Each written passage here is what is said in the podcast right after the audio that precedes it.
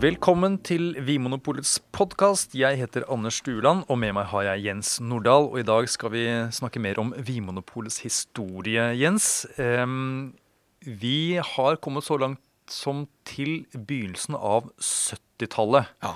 Uh, hva er det som rører seg i denne perioden? Uh, episode ni, altså. Det, det, begynner å bli en fortelling, dette. Eh, du, altså tidsånden, eh, Anders. Eh, Vietnamkrig, det er jo kald krig også da mellom USA og Sovjet. ikke sant? Brezjnev regjerer jo i Sovjet, og det gjorde han jo helt fra 1964 og, og, og langt inn på, i hvert fall litt inn på 80-tallet, tror jeg. Eh, I USA så var det jo Nixon, Ford og Carter, da. Eh, Carter, altså peanøttbondefarmeren, ikke sant, som, som, som regjerte. Eh, Watergate er mange som snakker om det, ikke sant, men, men her i Norge, ikke sant, det var jo mye kvinnekamp. og vi fikk jo etter hvert loven om selvbestemt abort i 1978, og altså Norge finner olje. Det er jo nei til Alta-utbygging. Altså, altså, det er jo en del sånne politiske stridstemaer som vi kjenner oss veldig igjen i, for å si det sånn. Eh, vi elsker jo også å snakke litt om musikk, og det er jo litt morsomt at liksom 70-tallet gir oss jo både punk eh, og disko. Og så en av mine store liksom, en, en, artist jeg virkelig har stor respekt for, da, David Bowie. altså Han kunne vi ha snakket om i, i timevis, men det er ikke derfor vi er her. Han gir uansett ut en perler av, av gode plater på 70-tallet. Så dette er jo tidsånden. Dette er jo ja. Dette er det, den konteksten vi har å forholde oss til. Og, ja, Det slår meg at det er jo en periode der eh, ungdomskultur virkelig har fått slått rot. Ja. Um, det, er liksom, det er ulike kulturer, avhengig av hvilken generasjon du tilhører. Det er noe som påvirker noe av det vi skal snakke om seinere i, i, denne episoden. Helt klart. Ja. Det, det, er jo fremveksten av et av dans, på, dans på bar, blant annet. det er fremveksten av byliv, slik vi kjenner det. Altså et moderne byliv, et uteliv. Ja. Eh, og ikke dette gamle utelivet som var eh, hvite duker og restauranter og hoteller, sånn som det var liksom på 30-, 40- og 50-tallet. Eh, men vi må nesten kvittere ut noen av disse store polskikkelsene før vi starter på dette med, med skjenkeproblematikken. Eh, Polets eh, grand old men? Ja, rett og slett. Mm. Altså, for at, altså, eh, helt fra annen verdenskrig, eller helt fra slutten av annen verdenskrig, så hadde jo denne Gunnar Lindemann regjert Vinmonopolet. Han takker jo for seg i 1969. Eh, morsomt nok akkurat samme år som Einar Gerhardsen gir seg eh, i norsk politikk. Så det var jo en æra da, ikke sant, i, i norsk politikk, men også for så vidt i Vinmonopolets historie, eh, som takket for seg. Altså, det var jo store store, mektige menn som, eh, eh, som bidro til at det ble et generasjonsskifte både i Norge og, og i bedriften da sånn. Eh, jeg vet at eh, han godeste Lindemann han fikk jo en byste av seg selv i 1968, og vi har jo sett bilde av det, og da gliser han bredt, altså. Så uh, han var nok en uh, Og jeg har forhørt meg litt med historikeren til Vinmonopolet og liksom stilt han spørsmål hvordan var Lindemann ansett i sin samtid, og hvordan hva, hva, mente folk i Polet om han? Og han trodde jo at han var veldig godt likt, altså. Og denne bysten som da Lindemann fikk da han skulle gå av, kanskje litt rart at administrerende direktør selv sitter når det blir en byste av seg selv, men sånn tenkte jeg i hvert fall. Men han har nok vært veldig godt likt, altså. Han har nok vært en bauta. Er det den eneste bysten som er laget av en uh, administrerende direktør her? det er det. så i hvert fall så vidt jeg vet. Så det er jo, og det er jo nesten noe litt sånn eh, Hvis vi skal sitte her og flire litt nå, liksom 50 eh, år på, på etterkant, ikke sant. Det er noe litt sånn østeuropeisk over det å ha en byste av seg selv. Men det sier kanskje også noe om eh, selvfølgelig Tidsson, men det sier nok også noe om Lindemanns posisjon. Ja, han så, var jo en bauta. Og så var han med helt fra begynnelsen av, nesten. Og liksom, ja. Vinmonopolet ble dannet som en bedrift. Jeg tenker liksom, man, man feiret vel kanskje litt det også, det om å da lage denne bysten. Ja. Markere på en måte hvor han hadde, ja. han hadde starta i polet på 20-tallet, sånn som du sier, så han hadde jo vært med hele veien. Så det var jo, det var jo all mulig grunn til å takke han av, altså. Ja. Men det var ikke bare Lindemann som slutta, det var jo også Håkon Svensson. Ja. Og der var det jo langt mer dramatisk. Ja, for han døde på jobb. Han døde på jobb i ja. 1971, og jeg har sjekket her i leksikon. På årets lyseste dag, 21.6.1971, så faller han om på jobb, og dette høres så ut som et eh, skummelt eh, kriminalmysterium. Eh, men han hadde hjerteproblemer. Eh, det var det det var. Eh, jeg har også sjekket ut det med historikeren vår, for jeg var nede i kjelleren for å finne ut av dette her, skjønner du. Eh, eh, og inter, denne internavisen til Vinmonopolet, eh, den er jo nede i arkivet i kjelleren her, sånn, vi sitter jo i Oslo sentrum. Vår bedrift heter den. Og der står jo alle årganger sirlig liksom, tilbake fra 40-tallet og til langt opp på liksom, til 2000-tallet, ikke sant. Eh, men det eneste året som mangler, er 1971. Det året Håkon Svensson dør på jobb. Så jeg tenkte at jøss, yes, hva er dette for noe? Men eh, det var ikke noe Det var Det er ikke noe mer juicy enn det? Nei. Det var ikke noe mer juicy. Eller, altså, det, var, det var en veldig tragisk eh, episode. Han hadde hjerteproblemer. Growing heart, eh, fikk jeg høre. Eh, og døde på jobb i en alder av 65 år. Var uansett også en mann som satt dype spor etter seg. Og jeg tenker jo det at mye av den vinkulturen som sitter i Vinmonopolet, og som kanskje vi har i Norge i dag, den skyldes jo Håkon Svensson, og det snakket vi jo mye om Eh, for et par episoder siden. Mm. Eh, og så er det jo en rekke andre direktører eh, som også hadde vært i selskapet en 30-40-50 år, som sluttet eh, rett og slett gikk av med pensjon da, rundt 19, 1970. Så det var et generasjonsskifte i polet da. Det var det. Dette her var jo folk som da hadde holdt på lenge, og som eh, hva skal jeg si, etter hvert eh, hadde lært seg det Eh, politiske spillet, hvis man kan si det på den måten. Eh, tror du at det påvirket Vinmonopolet som organisasjon? At man plutselig byttet ut, eller at man sto uten disse ringrevene? Eh, det kan det nok ha gjort. Samtidig, den nye administrerende direktøren som kom da etter Lindemann, Per Antonsen, han var jo flasket opp i Vinmonopolet og representerte jo ikke noe vesentlig brudd. Altså, han var, må da ha vært en disippel av av, eh, av Lindemann, rett og slett. Og vi snakket jo også her for et par episoder siden om hvordan eh, Vinmonopolets eh, innkjøpsavdeling, hvordan de utviklet alle ledertalentene. Altså, ikke sant? Sånn at det var jo Man tenkte jo langsiktig, og, og ønsket jo på en måte at eh, bedriftens eh, framtidige ledere skulle ha gått denne interne Vinmonopolskolen, som ikke kunne brukes til noe annet enn å, enn å jobbe i Vinmonopolet. Eh, men men eh, nei, så jeg, så jeg, tenker at eh, ja, det må jo ha betydd noe at Bautar som Svensson og Lindemann plutselig ikke er der. Altså, de har jo styrt skuta og sjappa i, i 20-30-40 år, ikke sant. Eh, samtidig så var det jo Rosenborg-modell, ikke sant. Altså, det var jo Man ble jo, eh, som vi også snakket om en, for to episoder, episoder siden eh, Man ble jo oppdratt og internalisert i en kultur, og var jo etter hvert en bærer av den. så Eh, men så er det hele tiden dynamikkens situasjon også. Vi vet jo det at økonomene fikk jo mer spillerom, ikke sant. Og hele tidsånden presset jo frem, kall det rasjonalisering, effektivisering. Eh, så det, det, det Og det, det, handlet jo mye om å få ting til å gå raskere og mer effektivt, ikke sant. Så vi eh, man hadde jo endret mye før, eh, før 70-tallet kom. ikke sant? Fra kurv til kasser, som vi snakket om i forrige episode. Og, ja. ja. ja. og sortimentet til og med ja. Eh, gikk jo, ble jo eh, skrumpet jo inn. Veldig. Eh, mange av disse fine bordeauxvinene mm. ble jo kuttet ut fordi de solgte jo ikke nok. Eh, samtidig som det ble presset på fra etter hvert gryende som vineksport nasjoner, egentlig. Eh, Bulgaria bl.a. Som ja. da ønsket å liksom, få sine produkter inn, eh, inn på Vinmonopolet. Og da måtte kanskje noe av det andre ut. Og da var det Bordeaux gjerne som, som falt ut, da. Det var en merkesanering. Det var jo ned fra 1500 varianter på slutten av 70-tallet til rundt 1000 varianter. Også ulike produkter å få tak i, da, eller inkludert ulike flaskestørrelser på, på midten av 70-tallet. Ja. Eh, butikken hadde blitt omgjort. ikke sant? De gikk fra, vekk fra denne tretrinnsekspederingen til en vanlig diskbetjening. Eh, og sånne ting som svartelisten. ikke sant? Altså folk, som ikke skulle få lov til å kjøpe alkohol fordi, de, hadde hatt, eh, fordi de hadde en fyllehistorikk. Eh, man sluttet jo med disse svartelistene også utover 70-tallet. Eh, Ledelsen mistet jo interessen for dem. I Oslo mistet man interessen for dem.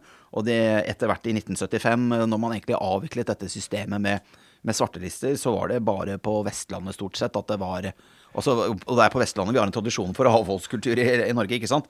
Så var det stort sett bare på Vestlandet at de fortsatt var litt i bruk. Da. Ja, for det, det er jo fristende å tenke liksom, er det sånn har, folk, eh, har det vært mer problemer på Vestlandet? Men det er jo ikke det er jo ikke det, det er snakk om. Nei, det, eh, det, dette, snakker om gammel, dette handler om gammel norsk kultur, altså. Ja. Og disse avholdsbevegelsene som jo reiste rundt ikke sant, og agiterte så denne motkulturen, ikke sant, som både går på, på nynorsk og på eh, avholdskamp bl.a., og på religion, den har jo stått veldig sentralt eh, eh, andre steder i landet enn på Østlandet. For det var jo hele, hele resten av Norge har jo vært i opposisjon til, eh, til sentralmakten, ikke sant, som, mm. som, jo lenge var Det var Danmark ikke sant, som styrte over Norge veldig lenge. Så det ligger jo en skepsis til sentrum i Norge den dag i dag. Så eh, nei, det, det handler jo om det. Det handler om det. Motkultur. Ja, så Disse svartelistene som da ble forsvant etter hvert, det Da på en måte forsvinner jo eh, denne liksom, graden av sånn overformynderi og kontroll. Ja, i hvert fall ja. innen det området. Ja, ja. Eh, men så er det jo eh, Det er jo helt klart Det er, det er helt klart kontroll på andre områder, for å si det sånn. Det er helt klart kontroll på andre områder, og det er det vi skal snakke om i denne episoden her. sånn. Ja, det er veldig, veldig gøy. Det er, når, jeg, når jeg har lest om det, så syns jeg det er, det er um både komisk, men veldig, veldig fascinerende. Ja, jeg er helt enig, Anders. Eh, Jeg tenkte jo først at dette her må da være en historisk parentes. Men det har jo definert eh, 70-tallet for Vinmonopolet. Rett og slett fordi at det var så innmari mye eh, politisk diskusjon, og det var så innmari mye sånn badwill fra eh, omgivelsene. Og det var så innmari lett for Vinmonopolet å bli hengt ut, eh, få dårlig omdømme og liksom bli oppfattet å være pedant Altså de var både pedante, men også en litt sånn kjipt kontrollregime knyttet til skjenkevirksomheten. Fordi at, og Dette er ting som egentlig ikke jeg har tenkt noe særlig på, for sånn er det ikke nå lenger. For Vinmonopolet på 70-tallet eh, holdt jo også på med Altså eide skjenkingen av brennevin. Ja, jeg tror du må forklare det litt, for dette her er så fremmed for, i hvert fall for meg. Ja. Ja.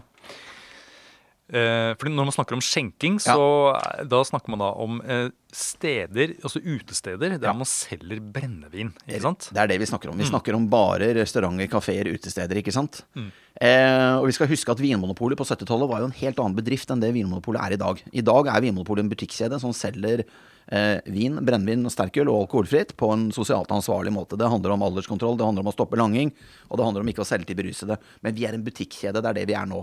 Eh, på på 70-tallet, egentlig helt fram til midten av 90-tallet, så var vi jo også en, en produksjonsbedrift. Vi var en importbedrift. Eh, Eh, og på 70-tallet, back then, så, så var det også sånn at Vinmonopolet produserte teknisk sprit. Eh, men man hadde også liksom da, kall det en femte arbeidsoppgave, nemlig det da å administrere og eie eh, skjenkingen av brennevin. Det gjaldt ikke skjenking av øl og vin, for det var overlatt til kall det private aktører. Da kunne jo vanlige folk som drev en vanlig bar, eller eh, et vinsted eller hva som helst, eh, skjenke så, mye de ville innenfor lovens rammer. Men skjenking av brennevin, der var det et helt eget regime.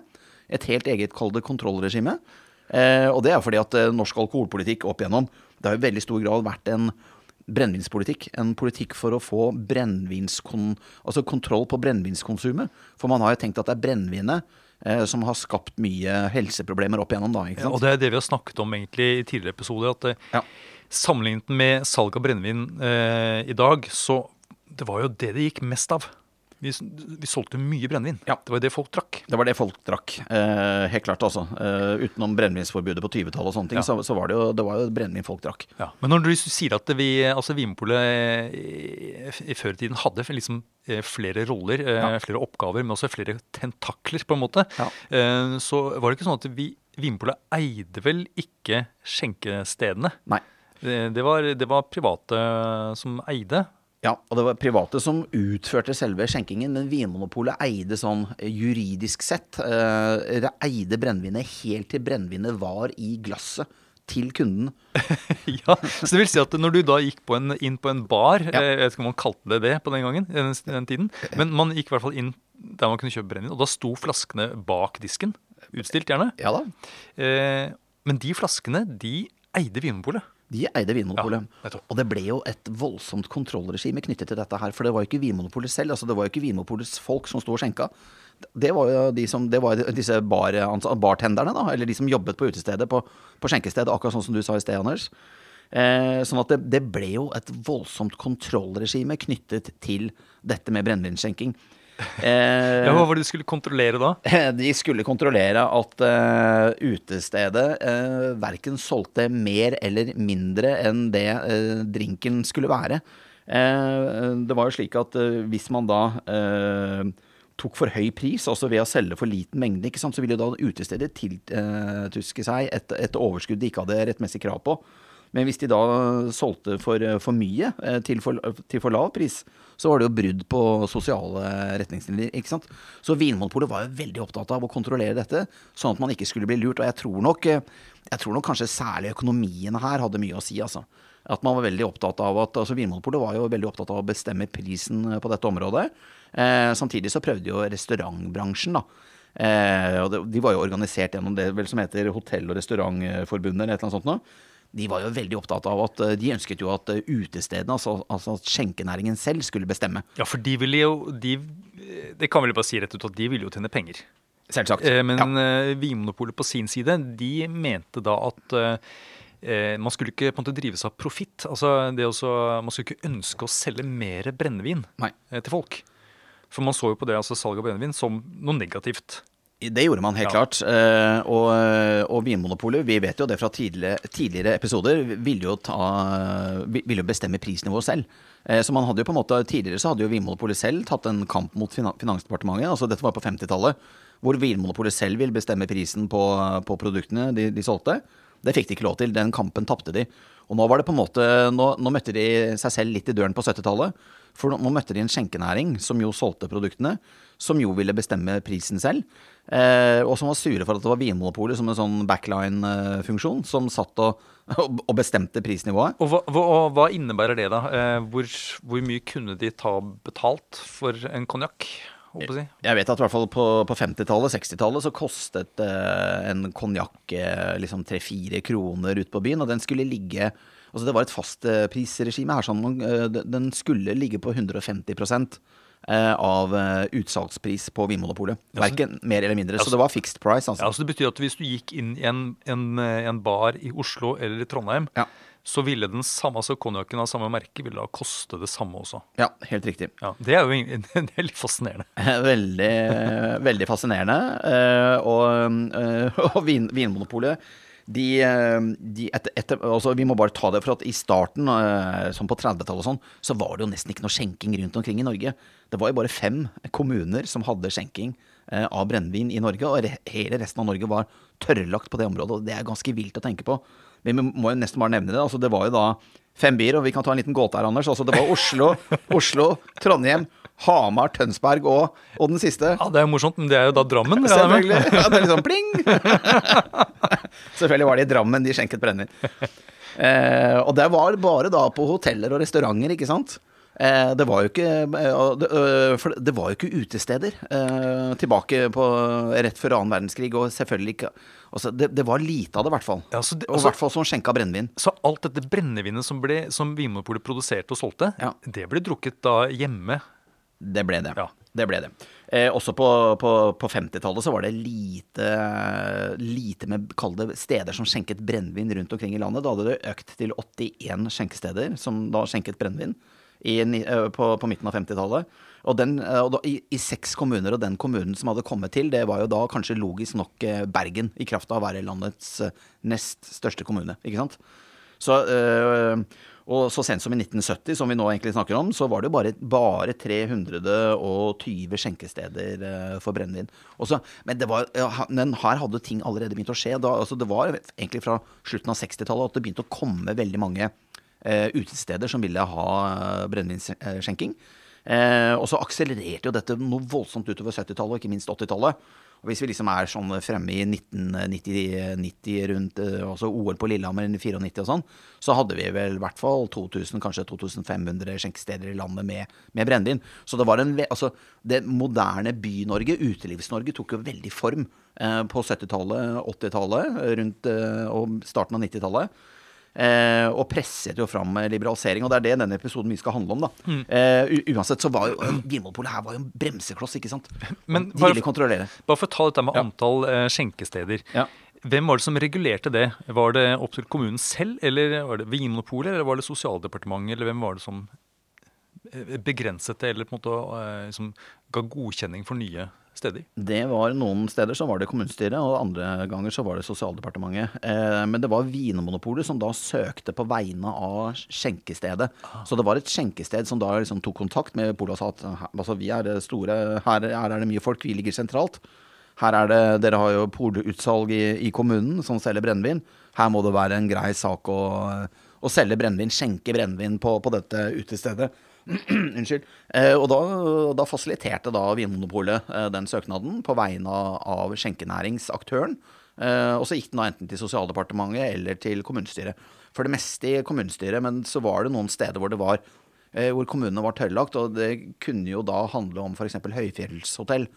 Eh, og da var det Sosialdepartementet som be, behandlet søknaden. Ja, nettopp. Ja. Ja. Og Høyfjellshotell, det skjønte jeg at de hadde var et sånt- unntak fra den, den generelle regelen også når det gjaldt skjenking. ikke? Jo, for det provoserte visstnok voldsomt. Også for det høyfjellshotellene, der var det jo folk som kom tilreisende fra, gjerne fra utlandet, ikke sant, men også fra deler av Norge hvor det var eh, hvor man var vant både med salg av brennevin og skjenking av brennevin. Eh, så, så det var unn- en, unn- et, eh, en unntaksregel der sånn, som følge av at det var jo ikke de lokale i noe særlig grad som uh, var på høyfjellshotell. Det var jo tilreisende turister og, og nordmenn som da kom fra Oslo, Bergen, Trondheim osv. Ja, også, i, også i kortere perioder. Det var liksom Ja. eh, sesongbasert. Ja, det var det også. Det var vel sånn at eh, disse høyfjellshotellene da eh, ikke hadde lov til å servere lokale folk. Ja, Var det ikke sånn? Oi, Det det, er spennende. Det, det- det, det, det er tall som har gått meg hus forbi, men det er jo helt, det er helt vilt. Ja, det var kun tilreisende som fikk lov til å, som fikk lov til å kjøpe brennevin. Jeg er veldig glad for at du har fanget opp den detaljen her. Dette er jo stor humor, altså. Ja da. Ja, det er bra. Men det som også er morsomt, er jo, eh, hvis vi er klare for å snakke om det, Anders, eh, det er jo hvordan skjenkekontrollen ble gjennomført. ja. Det var jo nesten sånn det reneste James Bond-stil, eller spionstil, altså. De, de skulle jo, altså de var jo utkledd som vanlige folk. Og Vinmonopolet ville jo ikke bli avslørt som kontrollører. Så de, de, gjorde, de gjorde hva de kunne for å se ut som en vanlig eh, restaurant, eh, restaurantgjest. Eh, og så gikk de ut og spiste og drakk på Vinmonopolets regning for å sjekke om alt foregikk som det skulle. Ja, nettopp. Det var de Fordi mange av disse skjenkestedene det var da steder som serverte mat, selvfølgelig. Det var ikke bare rene drikkesteder. Eh, Nei, det fantes nesten ikke. I hvert fall, i hvert fall ikke brennevinskneiper. Altså det, det, var, det var ikke snakk om. Nei, Eh, Det skulle være mat til steder. Det var sånn, litt litt sånn eh, ordentlige steder. Ja, og det var, altså, dette hang sammen med at det, var jo egentlig bare steder med det vi i dag kaller hvit duk. Altså, det var jo eh, det var en veldig sånn Man hadde etablert en veldig sterk kobling mellom mat og brennevin. Eh, det var, I utgangspunktet så var det bare skjenking av brennevin på eh, hoteller hvor, som hadde restauranter, svære, altså store kjøkken. Eh, og også da på restauranter hvor du hadde store kjøkken. Det ble altså ikke skjenket eh, brennevin noen andre steder i Norge enn på veldig seriøse sånn top notch restauranter og hotellrestauranter. Eh, Fantastisk jobb da, være kontrollør. Eh, ta på seg sivile klær. Eh, kjøre rundt i sin kon kontrollørbil. og så er kanskje ikke man skal kjøre bil, da, egentlig. Man, eh, Ik ikke det. nei, eh, Og så får man da, eh, spiser man treretters middag eh, med en avec eh, Ja. til slutt. Dette var jobben. Altså for de skjenkekontrollørene i skjenkekontrollavdelingen. For Vinmonopolet hadde jo en egen skjenkekontrollavdeling. De hadde det. Mm. Men så er spørsmålet hvor eh, klarte de å gjøre dette inkognito? Eh, for jeg har hørt historier om at de eh, også ble avslørt. At folk, altså de som jobbet i, i restaurantene, de skjønte jo når de fikk besøk av skjenke, skjenkekontrollen. Jeg har også hørt historier om at eh, når regningen da kom på bordet, så sto det 'til herr skjenkekontrolløren' på, på regningen. Her var det et psykisk spill, helt klart. Og det er klart at eh, restaurantbransjen de likte nok eh, ikke å bli tittet i kortene, og det kan vi snakke mer om ganske snart. Men også nei Anders, du har helt rett i det. Det er klart at det ble jo etter hvert vante fjes, ikke sant. Eh, Særlig på mindre steder. Det var vanskelig å gjemme seg vekk. Og det var jo eh, skjenkekontrollørene de ansatte jo ikke nye skjenkekontrollører i, i Vinmonopolet hele tiden.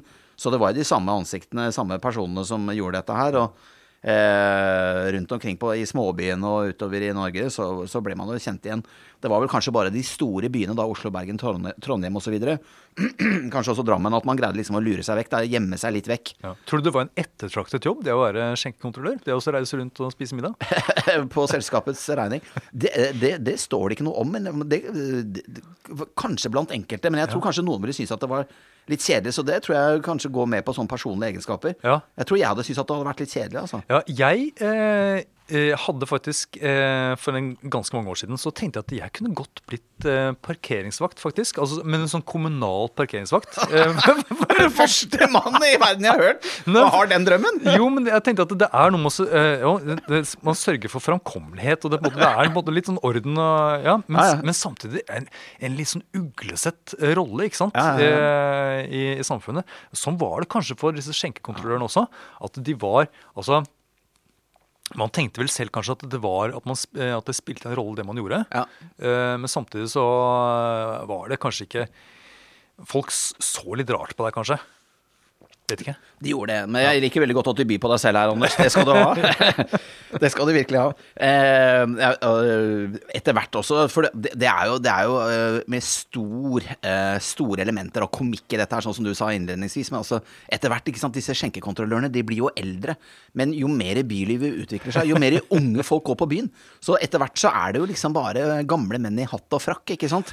Eh, og, som kommer inn, og, og, og de sitter jo ofte og fikler med disse målebegerne kollegerne sine. De var jo veldig opptatt av å måle at det ikke ble solgt verken mer eller mindre enn det som sto på listen. ikke sant? Ja, det. Og det kunne også være sånn at uh, du fikk noen kunder som uh, Altså de kundene som etterspurte priskartet, drinkekartet, altså eh, som lå i baren, altså det, det, var jo først og fremst kontrollørene. Så de avslørte seg jo, ikke sant? og det er ikke rart at regningen da ble, ble adressert til skjenkekontrolløren, for det var jo et spill her, ikke sant? og det, vi skal ikke stikke under en stol her, Anders, at utelivsbransjen, skjenkestedene, de ble jo etter hvert ganske forbanna på Vinmonopolet. Og etter hvert, utover, utover 70-tallet, så ble jo dette et omdømmeproblem for polet. Og det ble jo også et politisk problem, det kommer vi til snart. Eh, men også man, eh, Norsk hotell- og restaurantforbund, da, som det heter, de klaget jo først ikke sant, og sutret og okket seg. Eh, mente at Vinmonopolet var en representant for tante Sofie-mentalitet, eller barnepike-mentalitet. At dette var et eh, pedanteri in absurdum, ikke sant. Eh, og så begynte de å rasle med sablene og truet med rettssak. Og det har nok også vært noen rettssaker her, da. Eh, Tidsånden var definitivt ikke på Vinmonopolets side. Det var jo også, Vi sitter her nå i etterkant og flirer litt av dette her, men det er jo liksom det, kanskje det nærmeste Er det det da vi kommer en liten sånn Stasi-unit i polet noensinne? Det høres jo Ja, jeg ser for meg at det er et sånt eget rom der det står sånn skjenkekontrollørene på, på døra, og ja. der inne så er det sånn avlyttingsutstyr, Uh, Uh, kanskje. Masse, uh, man har selvfølgelig et skap med, med sånne, med sånne begre, målebegre. Ja. Og selvfølgelig hatter og frakker, da. Ja. Uh, som man bruker til å Kanskje til og med, til og med hadde sånn uh, diskoutstyr. At, man, at man skulle uh, hadde en garderobe for litt mer sånne unge, unge steder. Dette er jo en film! Noen må lage en film av dette her. Dette er en helt underkommunisert ja, del av norsk historie. Ja, dette høres ut som en Bent Hammer. Dette er Bent Hammer, altså. Uh, og kanskje det kan, kan, det bli Norges Oscar-kandidat om noen år. det, ideen kommer herfra, i hvert fall. Det, det skal sies. Uh, nei, det er bra. Og vi har mye, mye morsomt i vente her. Altså, vi må jo vi Ja, for de raslet med sablene. de gjorde det. Og de ville bestemme prisen selv. Eller, ja. altså, de prøvde seg på noe som heter um Garnityrtillegg, er det det? Ja, garnityrtillegg, ja. ja. Og det er noe som da blir omtalt i Vimpels historie som da garnityraffæren. Ja. Heftig. Og der ja. har du tittelen på filmen. Garnityraffæren. ja, fortell. Hva, hva, hva, handlet det om? Det, det, handlet om denne prisen vi snakket om i sted. Eh, barene, skjenkestedene, vil jo selv bestemme prisen, ikke sant. Eh, så hadde det jo lenge vært et prinsipp i norsk alkoholpolitikk at eh, privatøkonomiske interesser skal jo holdes utenom salget av særlig brennevin, da. Man ville ikke at noen mennesker skulle tjene seg rike på andre menneskers undergang. ikke sant? Dette er jo et prinsipp som har vært der helt siden 1800-tallet, og som for så vidt fortsatt er regjerende, med, med tanke på at Vinmonopolet er statlig eid og ikke privateid. ikke sant? Eh, uansett da, så ville jo da eh, eh, og, og, lenge så var det jo sånn at som vi snakket om i sted her, ikke sant, at barene kunne jo ikke bestemme prisen på, på det de skjenket av brennevin selv. Det var fixed price i hele landet. Eh, garnityrtillegget var jo en måte som skjenkestedene da brukte på å De prøvde å tilrøve seg makten. Eh, og, det var jo litt sånn egoistisk, eh, litt uelegant, men samtidig litt smart, det de holdt på med, vil jeg si. Det de gjorde, eh, de sa det at ved siden av denne drinken så ønsker vi å selge snacks, f.eks. peanøtter.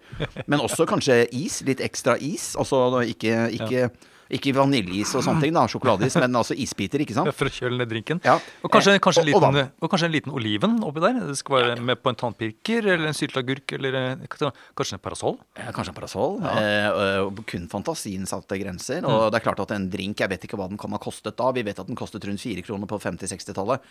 Kanskje drinken lå på en sånn 7-8-9-10 kroner, da. Noe, noe sånt noe per drink, ikke sant. Og dette garnityrtillegget det var jo fort 1-2 kroner, så det har jo vært en 10-20 eh, av prisen, ikke sant. Eh, som de da eh, tok for å selge alt dette, på en måte Alt dette, alt dette ja, garnityr eller tillegget, da, ikke sant. Eh, men, men, også mineralvann. Eh, og det gjorde de selvfølgelig for å tjene mer penger. Da, men da hadde de jo også et insentiv for å selge mer, ikke sant. Eh, for jo mer garnityr de solgte, og det var sikkert god avanse på det, jo mer penger tjente de. Eh, dette likte jo ikke Vinmonopolet, for her følte de jo at eh, utestedene nærmest kom og la en avgift oppå den eh, prisen som Vinmonopolet ville at dette her skulle koste. Eh, det som jo er litt eh, elegant eh, oppi det hele, eh, det er jo at skjenkestedene selv, skjenkenæringen, de begynner jo å argumentere alkoholpolitisk for garnityrtillegget. Ja, for de legger litt mer i det enn en de vi kanskje gjør nå. Med altså denne oliven oppi drinken, for den blir da plutselig regnet som mat, Ja, på en måte. Og de sier jo det, det er jo veldig bra med litt mat i magen når man drikker brennevin. Eh, Det er jo veldig dumt og kan være veldig uheldig å drikke på tung mage, det, det vet jo alle, eh, sa skjenkenæringen. De sa jo også det at eh, dette er det vi egentlig innfører, er en slags sånn spiseplikt på saltbar mat. Eh, og det er veldig bra at gjestene drikker vann, eller mineralvann med is ved siden av. Eh, og de sa jo også det at hvis det skulle være frivillig å kjøpe mineralvann eller vann med isbiter ved siden av, eh, så vil jo folk droppe det. De vil jo da heller kjøpe nye drinker med brennevin, og da vil jo konsumet øke. Sånn de, de argumenterte jo faktisk eh, alkoholpolitisk for dette her, og de sa jo da at dette garnityrtillegget det høyner jo faktisk eh, drikkekulturen. Og det, de var jo så frekke faktisk at de sa det at det er jo derfor vi har innført det. For vi ønsker at eh, alkoholkonsumet ikke skal bli for høyt. Vi ønsker en edruelig drikkekultur, alkoholkultur, i landet. Så, så de tok jo De kjørte jo liksom De brukte jo, de brukte jo polets egen argumentasjon, og sånn sett så er det jo litt elegant. Eh, det som også gjør det litt sånn corny. Det, eh, de, argumenterer også, eh, de argumenterer også for at det ikke er praktisk gjennomførbart eh, å ta det vekk. Eh, Nei, fordi de må ta betalt for denne lille skålen med peanøtter, Ja. f.eks. Eh, og, og så blir den satt på et bord. Ja. Ja. Hvem skal da betale? Ja, og, og, og, det, og dette, eh, dette, dette sa de jo i fullt alvor, og dette, dette syns jeg kanskje ikke er like elegant som det å argumentere alkoholpolitisk for det, men de sa det at altså, sett nå at en person kommer og kjøper nøtter i, i disken, og akkurat sånn som du sier, Anders, det sitter fire andre ved bordet, og de også spiser av denne nøtteskålen. Skal vi da bare avgiftsbelegge han eller hun som kjøpte nøtteskålen? Hva da med de andre som nyter godt av dette? Skal ikke de da betale denne nøtteavgiften? Eh, og, de- påstod da, og jeg tror ikke helt de kan ha ment det, altså, men de sa dette kommer bare til å bli kaos. Det kommer til å bli umulig for oss å greie å drive bar under, under, under sånne forhold. Så her tror jeg de dro, dro litt hardt på, men uansett, det var dette som var ordskiftet. Og man raslet da også med, med trusler om, om rettssak. Eh, og, og Vinmonopolet de var jo ubekvemme med dette her. De syntes jo at det var de, de var ikke noe glad i denne type negativ oppmerksomhet, så det har jo vært en belastning for selskapet gjennom hele 70-tallet. Det har det, altså. Ja, Ja. virkelig. Eh, så skal det sies da at, eh, at samfunnsutviklingen rent eh, generelt, eh, den, eh, den vanskeliggjorde også da egentlig Vinmonopolets muligheter til å kontrollere. Eh, vi snakket i sted om at det var veldig mange nye, nye skjenkesteder som kom, ikke sant. Så dette, dette, ble, dette var ikke lenger bare noe man gjorde på disse få restaurantene med hvit duk og, og hotellrestaurantene. Eh, men det var, det var en sånn generell eh, liberalisering her på, på rundt eh, Altså på starten av 70-tallet. Eh, skjenketiden, eksempel, ble jo økt fra, fra 11 til 12. Eh, men det, det var jo skjenkestopp da, faktisk, klokka 12, altså klokka 24. Eh, det, det ble jo også lov å skjenke på lørdager. Eh, det, hadde, ja, det hadde ikke vært mulig å skjenke på lørdager, brennevin, eh, før da på 70-tallet en gang. Og hvorfor ikke det? Hva var eh, argumentet for å ikke skjenke på lørdager? Ja, Det var jo hensyn til arbeiderne som fikk eh, lønningen, lønningsposen, den fysiske lønningsposen som ingen av oss som lever nå har sett noen gang. Eh, for nå er pengene inne på konto, selvfølgelig. Men den fysiske lønningsposen den fikk man jo utlevert på fabrikken og på arbeidsplassene eh, seint i uka. Og man ville ikke da at, at far i familien skulle gå rett på bar og drikke opp penga. Så det var grunnen til at eh, brennevinsskjenking da ikke var tillatt på, på lørdager. Ja. Men det var noe som man da endret eh, på begynnelsen av, eh, av av 70-tallet. Ja. Og, og aldersgrensen for brennevin gikk jo også ned fra 21 år til, til 20 år. Eh, kan også bare nevne det som litt sånn kuriosa. Dette husker jeg faktisk selv, men altså eh, da jeg selv var en del på byen på, på 90-tallet. Eh, men det var jo da et forbud mot skjenking av brennevin på søndager. Du kunne kjøpe brennevin eh, på utestedene hver eneste dag eh, uka gjennom, bare ikke søndag. Det var ikke lov. Nei. Nei. Så det, det var noen sånne rare ting som hang igjen ganske lenge, og som jeg tror det først røyk i 1998 Nei, unnskyld, 1998 tror jeg først det, det forbudet mot skjenking på, på søndager av brennevin ble opphørt. Men ganske seint i hvert fall. Og, og så, eh, så kom det da sånne nye skjenkesteder til som var av en litt annen type enn disse her hvit duk, eh, fin restaurant. Det, var, ja. det kom jo etter hvert kinarestauranter og pizzeriaer og ja, ja. steakhouses og, og sånt noe. Og etter hvert så de, de blir jo større, mange av disse skjenkestedene også. Ja, det blir kjempestore. Og det blir dansegulv. Det blir dansegulv, og det vil de ikke ha noe av. Nei. Eh, Det ble store barer, eh, veldig store barer. Det var en, eh, det var en samfunnsutvikling her. Altså, og det er interessant, for det, liksom, det er eh, historiens hjul. Da, de store, liksom, den store rytmikken i samfunnet den er ikke på Vinmonopolets side. Det er en stadig liberalisering. Folk lever livene sine på en annen måte. Eh, det er som du sier, Anders, det er flere mennesker ute på byen. De er stadig yngre. Eh, det blir stadig vanskeligere for Vinmonopo- eh, Vinmonopolet å kontrollere. altså fordi at eh, disse barene eller utestedene eller skjenkestedene de blir store. altså De blir uoversiktlige. Men også det ble vanskelig for- Polet å kon kontrollere, rett og slett fordi at det ble jo en ting som cocktail. ikke sant? Altså Det var ferdigblanda drinker. da. Det var jo ikke lenger bare pjolter eller på en måte en, en, altså en, en dram. da. Det var, eh, det, Brennevinet ble brukt på nye måter. Så her var det ting knyttet både til utelivet og utviklingen av nye utelivskonsepter. Eh, dansebarer og sånne ting som jo høres veldig antikvert ut nå, da. Men altså, det, var jo, det, var jo, det var jo nye type eh, ja, utelivstilbud. Men hva var det som var problemet med f.eks. også ferdigblanda ja. drinker? Da, da, var, jo, da, da var jo det eh, blandet ferdig av de ansatte eh, før folk kjøpte det. Ja, sånn at, ja. Og da kunne man jo enten helle mer brennevin oppi eller mindre brenn- brennevin oppi. Og dette var jo en gyllen mulighet for utestedet til å helle mindre brennevin oppi. Og sånn sett da på en måte selge, eh, selge mer enn det det egentlig skulle gjøre, og tjene da mer penger, ikke sant. Eh, penger som ikke Vinmonopolet så snurten av. Fordi de, eh, Vinmonopolet hadde jo solgt en viss mengde brennevin til utestedene. Eh, og Vinmonopolet skulle bare ha betalt for det de hadde solgt, men hvis da utestedene blanda ut og, og solgte tynne drinker, ikke sant, så var jo dette en, eh, en, sikkert en enorm mulighet for stor profitt til utestedene. Du kan si at i et helseperspektiv så var det jo bra at de solgte veldig utblanda varer. Men, men Vinmonopolet ville jo at det skulle være orden i økonomien, at, det, at man ikke skulle bli lurt da, rent sånn handelsmessig. Så det, det, og dette var, dette var eh, sakens kjerne mye, altså. Så da, men eh, stemmer det da at de, det kom da regler om at man, sk man kunne ikke servere ferdigblanda? Eller, Ja. eller husker jeg feil da? Nei, det er helt riktig, det. Ja. Eh, og det er jo en av de eh, For det, det var jo hele tiden en sånn dialektikk eller en sånn på en måte frem og tilbake. Altså en, eh, det, det var en kamp da mellom, mellom de ulike frontene her. De som ville at det skulle være restriktivt, og at det skulle være kontrollert. Og de som ville at det skulle være mer løssluppent og i hvert fall liberalt. da. Så man, eh, man prøvde jo hele tiden på en måte å demme opp for disse liberale initiativene ved å lage nye regler. Og det var nesten like mislykka hver gang. Men det er helt riktig som du sier, at det kom jo på et eller annet tidspunkt på 70-tallet så kom det jo en regel om at eh, man måtte selge brennevin i eget glass og blandevannet i et annet glass og isbiten i et tredje glass. Slik at dette, eh, og det, eh, Insentivet for det var jo at det skulle være lett å gjennomføre kontroll ikke sant, for polet. Ja, og dette hata jo bransjen, og dette syns jo også publikum var noe, var noe tull. Da, Ja, det skulle være praktisk for eh, kontrollørene, Ja. eh, rett og slett. Men, Ja. men hvem er det som da kunne bestemme dette her? At man liksom, ok, nå er det en ny regel for dere som eh, driver med skjenking. Dere kan ikke blande drinken. Ja. Er det Vinmonopolet som Nei.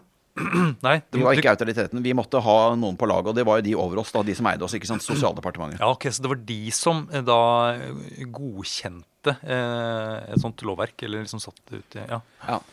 Så dette her med at, at, at pjoltere, da, som er, altså det, er, det er da på en måte brennevin blandet ut med noe blandevann, ikke sant. Det er, pjolter er jo et gammelt, eh, gammelt ord, jeg vet jo nesten ikke hva det betyr, men det, det betyr vel egentlig på en måte whisky f.eks. blandet ut med selters da, eller Farris eller et eller annet sånt. ikke sant? Det er vel selges nesten ikke selters lenger heller, men Nei, det, kan du Nei, det stemmer det. Det var et eller annet brunt brennevin da Ja. blandet med, med, med selters. Ja, eller bris, da. Farris, ikke sant. Ja. Ja.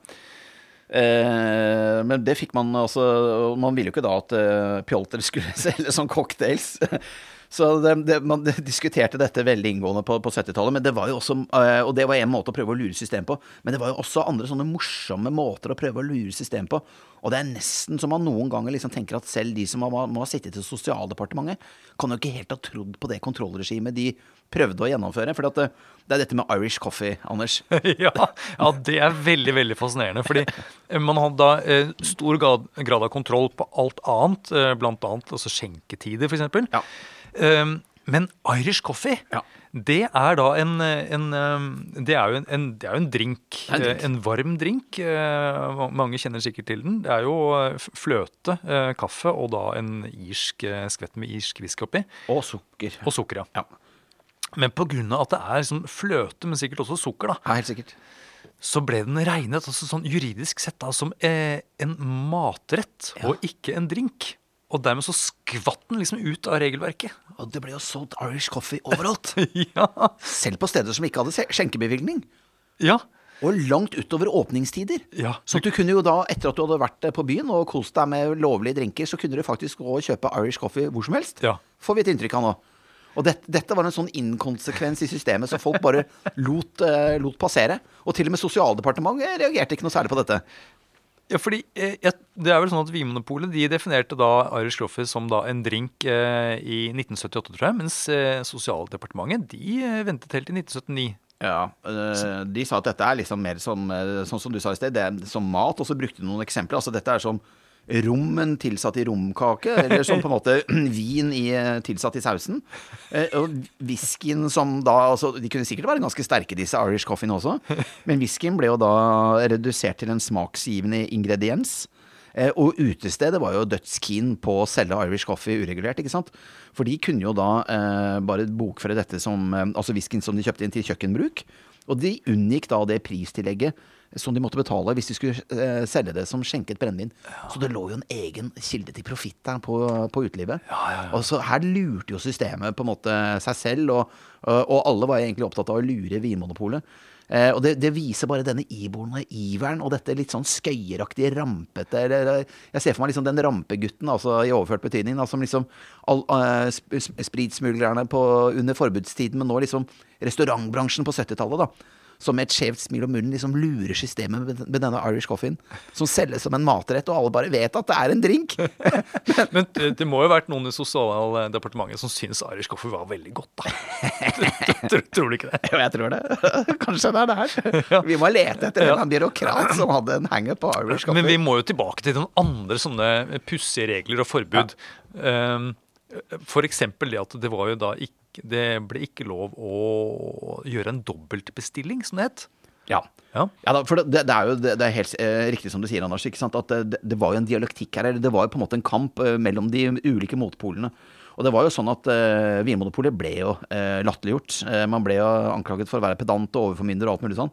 Eh, og så prøver da Sosialdepartementet å rette opp dette i 1977, ikke sant. Og de prøver da å gi et veldig sånn restriktivt svar, og ganske sånn strengt, og liksom nå skal de ta kontrollen igjen. Da liksom skal staten brette opp ermene og vise seg som, en, som den lovgiver den er, da. Eller den, eh, den, eh, den forskriftsutvikler den er. Eh, og det er jo det, det du refererer til her, sånn, er jo da denne denne nye øh, De lager en ny skjenkeforskrift som blant annet eh, inneholder det du, du refererte til. sånn. Men vi må jo lese opp mange punkter her sånn fra denne skjenkeforskriften. Ja, vær så god. Sett i gang. Jeg kan ta noen, så kan du ta også noen. Eh, eh, men eh, for å få kontroll med dette her, ikke sant Fordi at altså eh, eh, det- var i ferd med å skli ut både pga. at du fikk alle disse liksom, pizzastedene, salatstedene, burgersjappene. ikke sant? Altså, eh, man greide ikke å kontrollere. altså Koblingen mellom mat og brennevin var liksom, den var overflødiggjort med tanke på alt dette som du sa i sted, Kina, restauranter og alt mulig sånn. Eh, stedene ble mye mer differensierte. Man måtte få kontroll. Og da sa Sosialdepartementet at eh, eh, det er nå ikke lov eh, for steder hvor folk danser, eh, og for steder hvor det er for mange folk. De får ikke brennevinsbevilgning. Så var det dans på et sted, så fikk de altså ikke brennevinsskjenking. Og det var ikke lov til å gi skjenking av brennevin, løyve, til steder med mer enn 40-50 sitteplasser. Fordi at det måtte være oversiktlige forhold. Det måtte være enkelt for Vinmonopolets skjenkekontrollører å komme inn og se seg om et lokale, så det kunne ikke være for mye folk der. Det, eh, og det var også da regler for hvordan lokalet skulle utformes. Det kunne ikke være masse sånn vegger og sånn innimellom. Det måtte være et veldig avgrenset lokale. Eh, og det kunne ikke da være stengsler inne i, i, eh, i, de, i denne baren, eller i denne skjenkelokalet som da skulle ha brennevinsservering. Og det var bare lov med én bardisk. Du kunne ikke ha flere bardisker, for det ville være uoversiktlig. Bare én bardisk. og, og ikke bare det, det var jo noen forbud der òg. Vil du også Ja, så var det denne dobbeltskjenkingen, da. Ja. Eh, så det betyr at hvis du gikk for å bestille deg en drink, så kunne du ikke bestille en drink til eh, en venn eller venninne i samme slengen. Eh, du kunne bare bestille én. Til deg selv. til deg selv, ja. Ja, og du kunne ikke, og hvis du, og du kunne ikke da Du kunne ikke da kjøpe to drinker til deg selv samtidig. Det gikk ikke. Nei, nei. Kun én drink per Kun person. drink, ja. Og så kunne du heller ikke eh, gå rundt og bære på drinken selv. Nei. Det er jo også litt, litt rart. Du kunne, du kunne bestille den, men du kunne ikke bære den selv. Du måtte få den da brakt til deg. Eh, og det også handler om at det skulle være oversiktlig. Ja. Eh, man skulle liksom ikke gå rundt og flytte på drinkene sånn at den liksom kunne havne på ulike flater, som det ble omtalt som. Ja. Helt vilt. Og de kalte det da et forbud mot selvservering. For det ville da være selvservering om du bar din egen drink fra bardisken til bordet der du satt. Men det var det også et forbud mot, da. Og det er klart, når vi hører om disse reglene her sånn, Anders, og vi på en måte vet at Vinmonopolet da er forpliktet juridisk til å følge det opp, eh, så er det klart at, eh, at Vinmonopolet de har blitt satt litt i en skvis. Det kan ikke være veldig gøy å jobbe med dette her sånn. Du har hele skjenkenæringen mot deg. Du har opinionen mot deg. Eh, om ikke i alt, så i hvert fall langt på vei. Ja, og og diskodansende ungdom. Ja, ja, ja. ja. Og, og ingen forstår noe av dette tullet her, sånn, og etter hvert så får du også politikerne mot deg. Eh, bransjen var jo ekstremt lei av dette kontrollregimet. Eh, og, og man eh, har nok hatt en kontrolliver eh, i Vinmonopolet, i hvert fall delvis. fordi at eh, de, bransjen selv følte jo at, eh, at de ble tittet altfor eh, tett i kortene, rett og slett. Og man følte jo at man ble mistenkt for den minste ting. Og igjen så ble det jo truet med rettssak, ikke sant. Det, det ble det. Og da, da merker jeg det, at folk blir nok litt sånn De blir nok litt mer samarbeidsvillige når det trues med rettssak. det ligger nok noe der, altså. Det, det som er morsomt her, er at allerede i 1978 så, så, så For den- denne nye forskriften til, eh, til skjenkeregler, den kom jo i 1977. Allerede i 1978 så gjør jo egentlig Sosialdepartementet en kuvending. Eh, For da nedsetter de et, eh, et utvalg, som de ofte gjør da, når de blir litt i villrede. De utsetter et uh, utvalg som skal gå gjennom vilkårene for brennevinskjenking. Ja, du tenker at dette her var kanskje ikke så lurt likevel? Det, møter, det møter så mye motstand. Og det, det var ikke tidsånden, ikke sant. Altså, tenk deg all den matinnovasjonen, tenk deg all den utelivsinnovasjonen.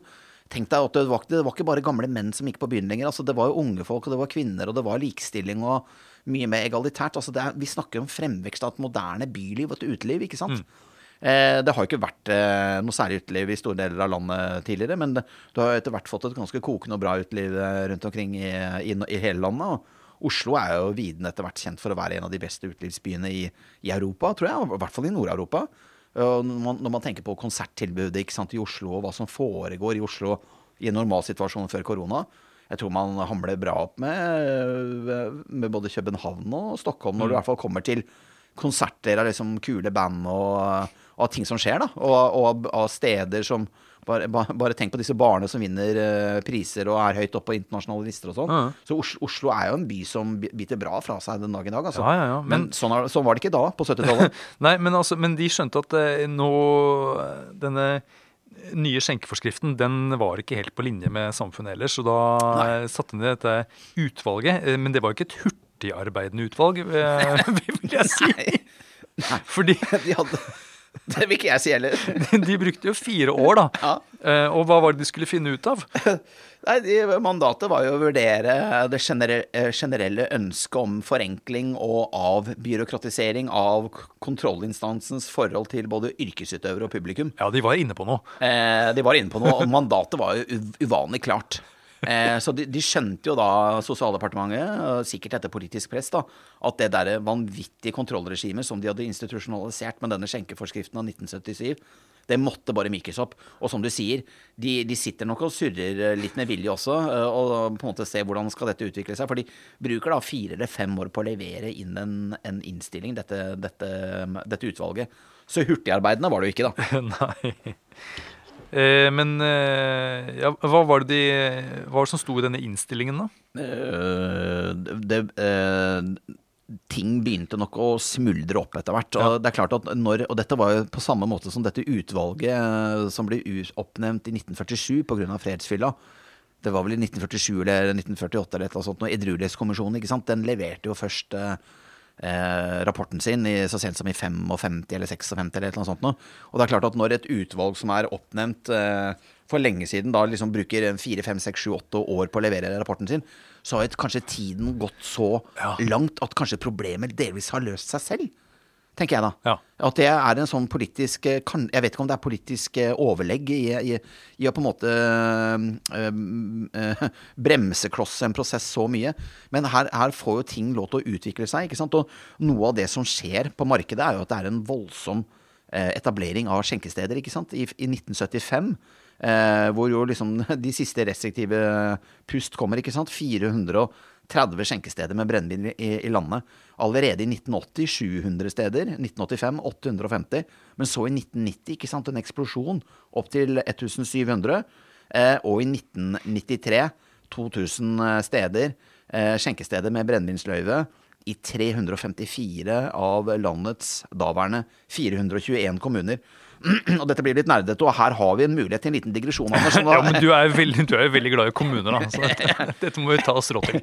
Eh, 19, I 1998 det er bare én tørrlagt eh, kommune igjen i landet. Og vet, vet du hvilken kommune det er? Nei, det aner jeg faktisk ikke. det gjør ikke det? Nei. Nei, altså det, det er jo et sted som heter Audnedal. Det høres ut som et Donald-navn, nesten. Men Audnedal eh, det høres ut som det ligger veldig øde og, avsides Ja. til.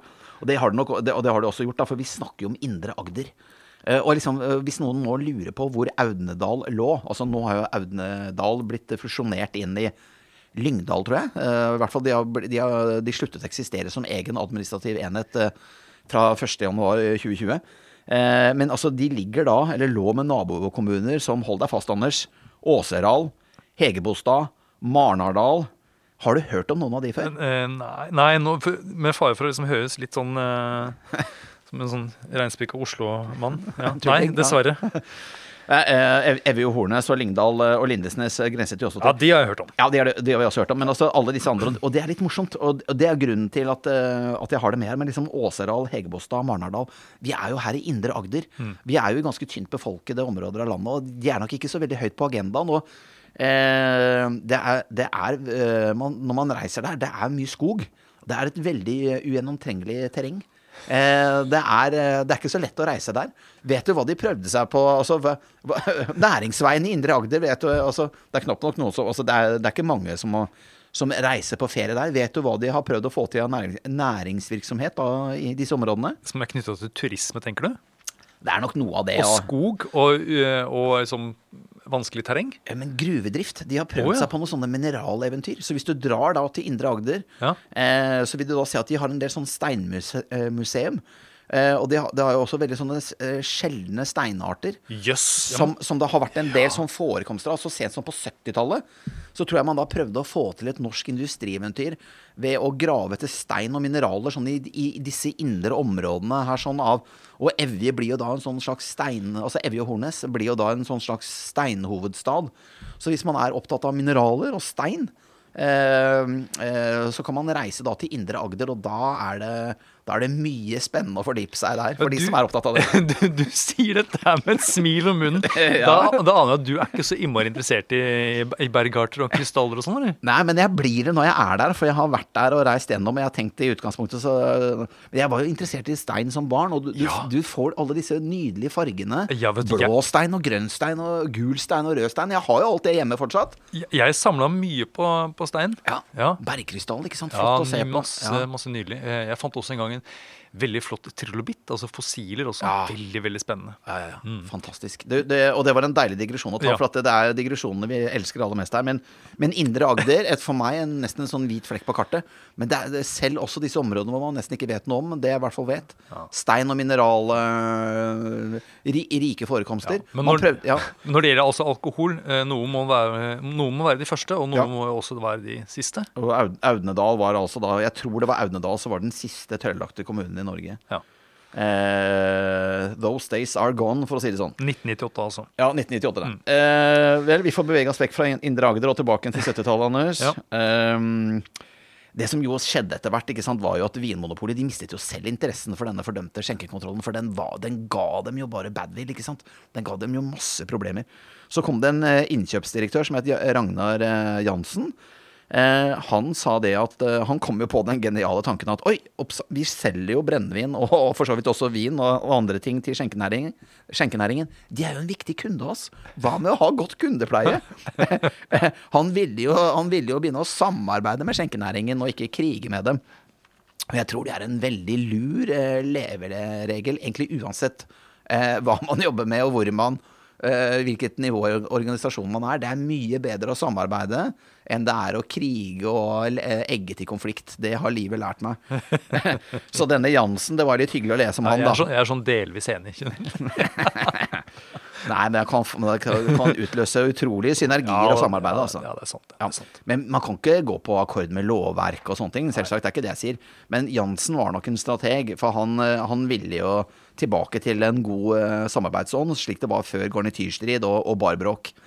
Eh, så skal det også sies at eh, Vinmonopolet på rundt da, slutten av 70-tallet, de hadde jo en styreleder fra, fra Høyre som het Lars Pl- Platou. Eh, og han, han innså jo ganske klart og tydelig da, at denne skjenkekontrollen eh, den satte Vinmonopolet i et ordentlig dårlig lys. Ja, for det var ofte omtale av denne skjenkekontrollen og den der eh, pedantiske holdningen i VG annet. Ja. De hadde nesten sånn der, en sånn fast liten rubrikk Ja, ja. eh, hvor det sto 'Heia Norge'. Ja. Sånn, ja. Sånn, sånn stutte med, altså dys, Ja. Dyste-Norge, ikke sant? Ja. Eh, og det, Høyrebølgen kom jo etter hvert på 80-tallet. Og, og også Erling Norvik, da, da, daværende leder i Høyre, eh, han støtter jo da Lars Platou, som er daværende styreleder i Poli, ikke sant? Han sa jo at denne skjenkekontrollen er jo noe latterlig pirk. Og han, eh, Erling Nor eh, Norvik, altså Høyre-lederen, eh, datidens Erna, for å si det sånn, han sa jo da altså at eh, denne Molbo-loven må, må endres. Det tordnet de, ikke sant. Sånn at eh, politikerne det, det, det, Og det hadde jo gått politikk i dette her, ikke sant. Og da har man dratt, da har man dratt det for langt. Altså når man når, et dårlig samarbeid og på en måte en yrkesutøvelse medfører at det går politikk i en sak, da må man tenke seg godt om, altså. Så her hadde jo nok Polet vært kanskje satt i en skvis, da. De har jo vært, vært det, da. Men de har jo dratt det for langt, og de har jo verken da blitt støttet av næringen, eh, publikum eller politikerne. Og da har du et problem. Virkelig. De ble litt for nidkjære, på en måte. Ja, har nok blitt det, altså. Eh, og utover 80-tallet eh, så ble jo alle disse skjenkerestriksjonene, eller altså alle, alle, alle, alt dette som gikk på kontroll i regi av Vinmonopolet og sånn, det ble nok mer og mer sovende lover, for å si det sånn. Eh, og i 1990 så ble på en måte de siste endringene gjort i regelverket, slik at dette her på en måte eh, ikke var noe særlig eh, Altså, det, det var ikke noe tema lenger. Og Ja, så, det betyr at eh, det, det var eh, sporadiske skjenkekontroller da, fram til 1990? Eh, uten å vite det helt sikkert, Ja. men jeg tror vel at man rett og slett bare ga seg med det. Altså. Jeg Ja. tror man hadde gjort det, altså. Eh, uansett, da. Eh, eh, hvis man liksom ser tidsånden da, på, på 50-tallet, 60-tallet, 70-tallet eh, litt under ett her, og for det er, egentlig, det er litt interessant, også etterkrigs-Norge, fram til eh, 1980 så kan man på en måte si at det, for mange så var jo dette en, en sånn eh, Det var en Eller tidsånden så ble dette en evig kamp mot rest, restriktiv alkoholpolitikk. Og det var jo en skrittvis liberalisering egentlig hele veien. ikke sant? Ja, liberaliseringen har jo tvunget seg fram, for å bruke det begrepet. Eh, men det var jo også en rådende oppfatning på denne tiden her sånn eh, at alkoholproblemene kanskje ville gå litt over av seg selv. Eh, og at det handlet om på en måte materiell vekst og økonomisk vekst. For man hadde jo da og dette stusser jeg litt på i etterkant, altså, men det kan jo øh, øh, for, jeg tenker at de, de har lurt seg selv. Men det er ikke sikkert at de har lurt seg selv med, med vilje. Men det man jo lenge mente, var jo at øh, alkoholproblemer det var begrunnet i fattigdom, i arbeidsløshet og i trangboddhet og den type ting. Altså slik Norge hadde vært på 1800-tallet, og kanskje først øh, rundt første verdenskrig. Men så fikk man jo en voldsom vekst, økonomisk vekst i Norge etter annen verdenskrig. Og man mente da, helt seriøst, at bedre boliger, finere møbler, utenlandsreiser, altså høy økonomisk kjøpekraft, ikke minst eh, høyere grad av utdanning, at denne veksten skulle fjerne selve grunnlaget for eh, alkoholproblemer, som jo var fattigdom og elendige materielle kår og, og den type ting. da. Så man hadde da en sånn utbrakt eh, sirkelforståelse, at man var inne i en god sirkel. Man tenkte da økt velstand gir behov for mindre drikking, som igjen gir økt edruelighet, og som gir økt vekst. For, for da for, produksjonen ville jo øke. Ja. Så man så jo for seg at man var i en god En god sirkel, ja. en god sirkel. Ja.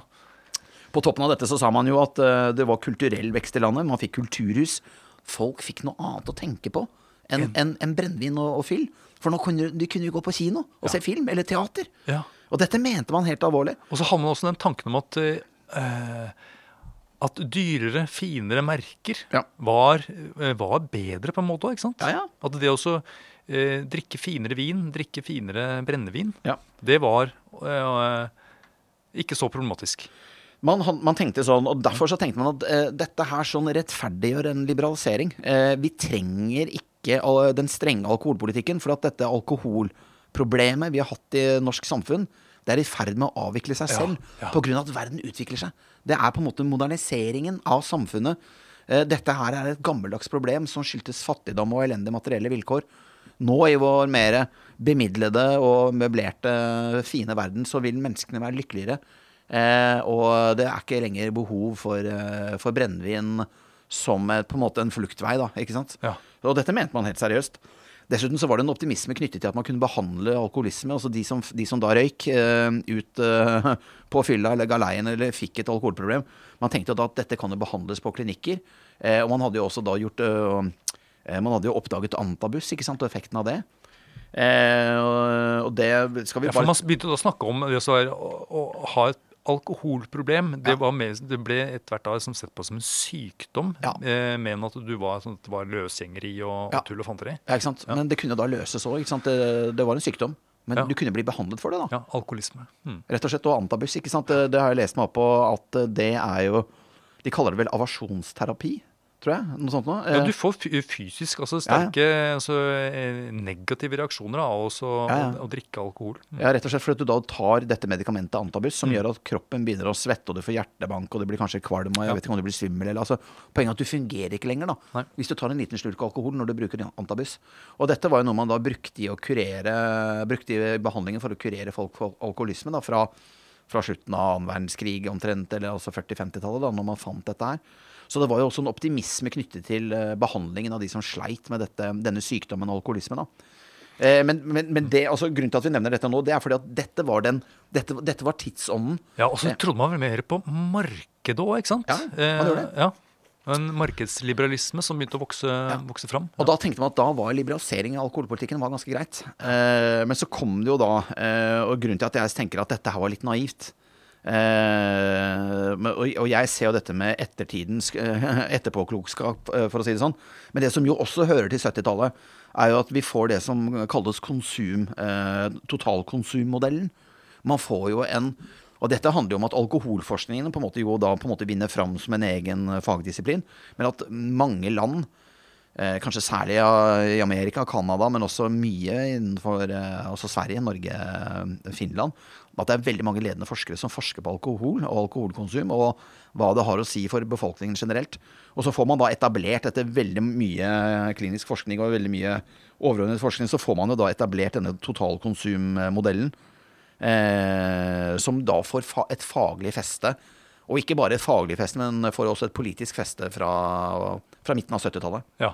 Og til og med Verdens helseorganisasjon var Ja. vel liksom tungt inne, og de hadde vel en målsetning for å redusere Ja. eh, verdens alkoholkonsum med 25% fra midten av 70-tallet til år 2000, var det ikke det? Jo, Ja. det òg. Og det var, det, disse initiativene begynte å komme sånn på, fra 75, 1980. Altså vi, men vi får kanskje nesten si litt om hva ko- totalkonsummodellen er òg. Ja, jeg gjør det. Men jeg syns det er interessant det at det er altså da eh, verdenssamfunnet eh, Ja. ser på altså, alkohol som et problem fremdeles, selv om Ja. det da liksom man åpner opp og liberaliserer egentlig Ja. samtidig.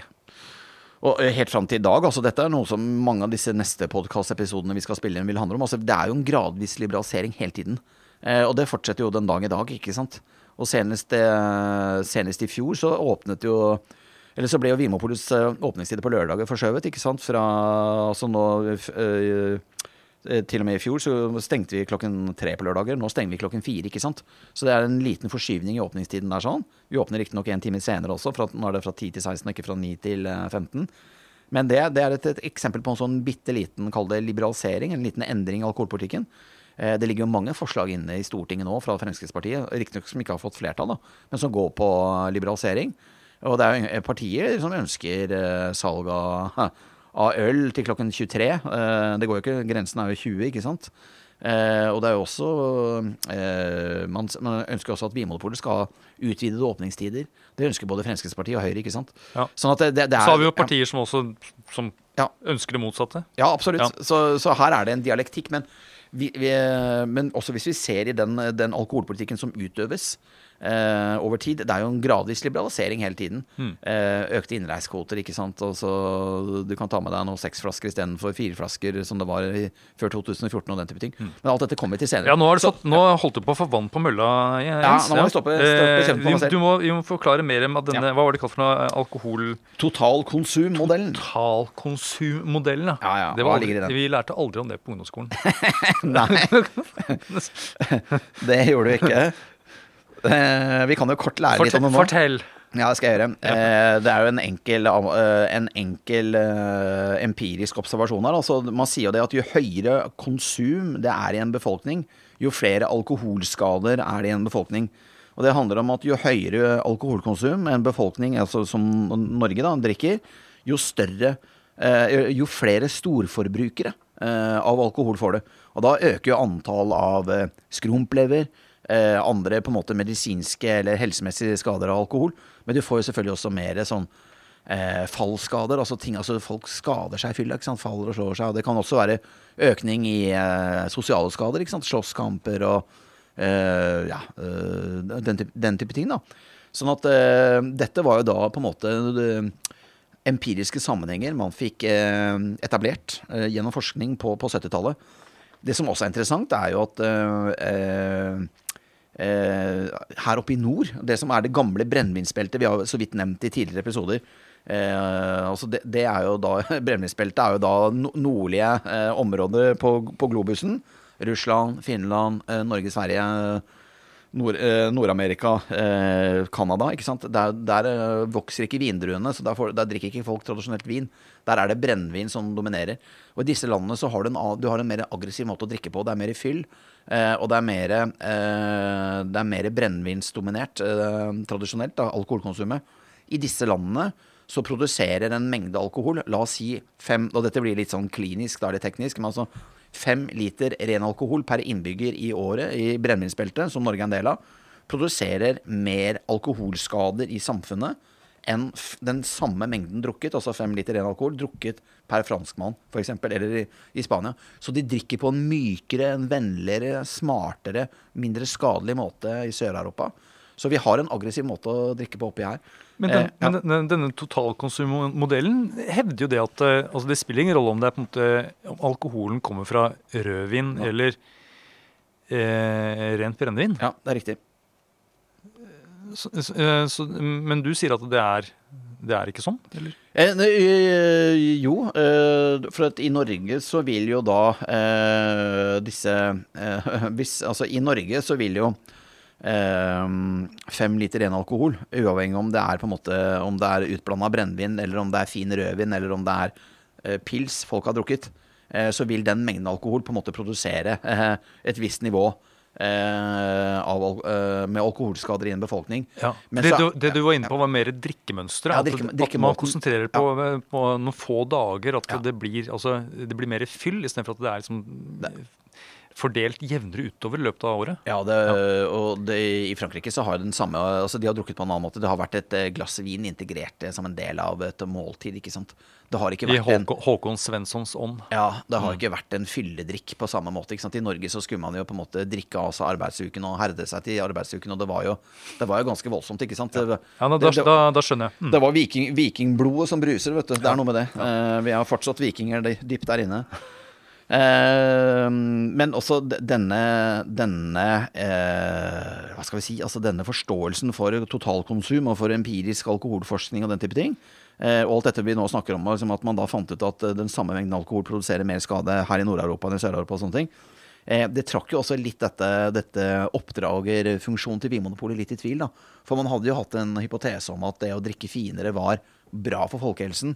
Men nå, eh, nå, var, nå kunne man ikke uttale det med samme tyngde lenger ikke sant, i Vinmonopolet. Eh, det var ikke sånn at det kanskje lå en alkoholpolitisk gevinst i at folk drakk finere rødvin enn enn en billigere rødvin, rett og slett. Nei, man anerkjente at alkoholen i seg selv var et, eh, et problem. Man gjorde det. Eh, man, man gjorde det. Selv om da på en måte tidsånden på mye på 50-, og 60- og 70-tallet var nok litt naiv, i hvert fall sett med, med ettertidens øyne. ikke sant? For de trodde jo at alkoholproblemene skulle eh, forsvinne av seg selv. Det gjorde de jo ikke. Og det var jo på ingen måte sånn at folk drikker mindre når den materielle velstanden øker. Det er faktisk helt motsatt. Og sånn, sånn, altså vi, det er jo en av de eh, empiriske studiene vi kan på en måte gjøre i etterkant, og jeg, jeg har selv gjort den. Det er en enkel korrelasjonsjobb, og det er veldig enkelt. Men det er jo veldig interessant å se hvordan salget av alkohol i Norge går i takt med konjunkturene. Eh, har folk høy kjøpekraft, har de mye penger mellom hendene, så stiger alkoholkonsumet ganske betraktelig. Er det litt sånn fattige kår, eller er det litt sånn harde år, sånn som det f.eks. var på begynnelsen av 90-tallet, eh, så går alkoholkonsumet ned. Og det er fordi at eh, alkohol for, de, for de fleste, det er jo et luksusgode. Man, det er ikke noe man trenger. Eh, når, når, eh, når, regningene kniper og på en måte man har dårlig råd, da går pengene til bleier, barnemat eh, og mat til familien og liksom strømregning og husmaling og sånne ting. Eh, så i takt med den voldsomme velstandsutviklingen vi har hatt i Norge, så har jo alkoholkonsumet økt, altså. Mm. Så det å, tro, det å leve i den tro at folk drikker mindre alkohol når Norge går godt, det er feil. Det er, det er motsatt. Så sånn sett har de nok vært litt naive, altså. Ja. Jeg syns det. Men på 70-tallet så kommer det da altså da noe eh, som ikke er eh, akkurat eh, liberaliserende. Eh, og det er noe som jeg trodde egentlig hadde vært der hele tiden. Ja. Og da tenker jeg på alkoholreklameforbudet. Ja. ja. Hva, altså, jeg hadde tenkt at det må ha vært der lenge, lenge, lenge. Men det kom først i 1975. Det gjorde det, og det har nok eh, litt sånn eh, For det, nå snakker vi om Verdens helseorganisasjon og totalkonsummodellen og alkoholforskning og sånn, og jeg tror at uh, her har det jo vært Det har ikke bare vært en restriktiv krampetrekning, men altså man har jo skjønt at uh, det har jo vært uh, grunnlag for å droppe alkoholreklame fordi at det kunne ha positive folkehelsemessige konsekvenser. og det, det er vel faktisk et forbud som den dag i dag fremstår som veldig vellykket. Og det har også interessante markedsmessige konsekvenser som vi kan nevne ganske raskt. Altså, men det, det, jo alkoholreklameforbudet går på, det er jo det at eh, altså Selvfølgelig i den frie presse, altså i VG, Aftenposten og Dagbladet DN og alle andre aviser, eller all, all, også lokalaviser, som ønsker å omtale vin, og også på en måte ha sine egne vinanmeldelser, de kan, de kan gjøre det. Eh, det er en redaksjonell vurdering. Alkoholreklameforbudet går på at aktører som lever av, eller som selger alkohol, eller produserer alkohol, det vil da si produsenter av alkohol i Norge, eller utenlandske produsenter uh, som da selger alkohol i Norge, eller da dagligvarebransjen som selger det, eller utelivsbransjen som selger det, eller polet. Ingen aktører som er knyttet til salg av alkohol i Norge, eller har egenøkonomiske interesser knyttet til salg av alkohol i Norge, kan eh, reklamere for produkter eh, verken direkte eller subtilt eller på en sånn snikaktig måte. Eh, og det eh, Vinmonopolet f.eks. kan jo da ikke omtale enkeltprodukter. Det kan vi heller ikke av hensyn til likebehandlingsprinsippet. og Det er jo nedfelt i EØS-avtalen, det kommer jo, det kom jo senere i 1960, nei, unnskyld, i 1996 er det vel, eller 1994. Men, eh, men, eh, Så det får vi snakke om mer, mer om senere. Men altså, eh, ingen aktør i den norske bransjen kan, eh, uten å bryte alkoholreklameforbudet, snakke om enkeltprodukter. Og, det, og det, gjør, det, gjør, det ganske interessant. Ja, og det, Dette kom da i 1975. Men ja. vet, du, eh, vet, du, noe særlig om Var det noe som var vanskelig å få igjennom? Var det mye debatt? Eller var det grei skuring? Det, det veit jeg ikke. Eh, det, vet jeg ikke. Eh, I ettertid så har det i hvert fall vært grei skuring. Det er ingen som jeg har fått med meg som utfordrer dette, dette prinsippet. Eh, det gjør jo at enkelte markedsaktører de slipper jo veldig store markedsføringsbudsjett. ikke sant? ja. det, så det, det, er jo penger å spare. Ja. Eh, og det som er interessant, er at eh, i Norge så er det jo veldig mye lettere da for små produsenter å selge godt. Rett og slett fordi at internasjonalt, hvor det er lov å reklamere for alkohol, så er det jo de store vinprodusentene, det er de store Eh, det er de store økonomiske aktørene som har råd til å ha svære markedsbudsjett. Det er jo de som vinner PR-krigen, for å si det sånn. Så i Norge så har man jo et mye, mer, mye mindre uh, så man har et mye mer ubesudlet marked. da. Et mye mer sånn autentisk marked, kanskje, på et vis. Rett og slett fordi at forbrukerne blir jo ikke da utsatt eller eksponert for eh, ja, for reklame, rett og slett. da, Fra de som eh, produserer alkoholen, eller de som selger alkoholen. Så Det er veld, veldig interessant at det norske markedet er skiller seg fra mm, altså det franske markedet, altså skiller seg fra ja, alle andre europeiske markeder ved at det er ikke de store champagnehusene, det er ikke de store produsentene av vin som dominerer bestselgerlisten. Det kan like gjerne være små produsenter. Eh, og dette, dette, hever man jo på øynene over i utlandet og syns er dødskult. ikke sant? Så man tenker at eh, pokker liksom, det er en interessant ting. Hmm. Ja. Ja. Eh, og, og, det, det, og, dette øker jo vilkårene for konkurranse. Og, uh, ikke sant? Og det er veldig interessant. Og Vinmonopolet vi, er jo en, eh, vi er jo en markedsaktør som skal egentlig fasilitere. Uh, er, jeg ser på oss selv som en torveplass, ikke sant? En, en børs.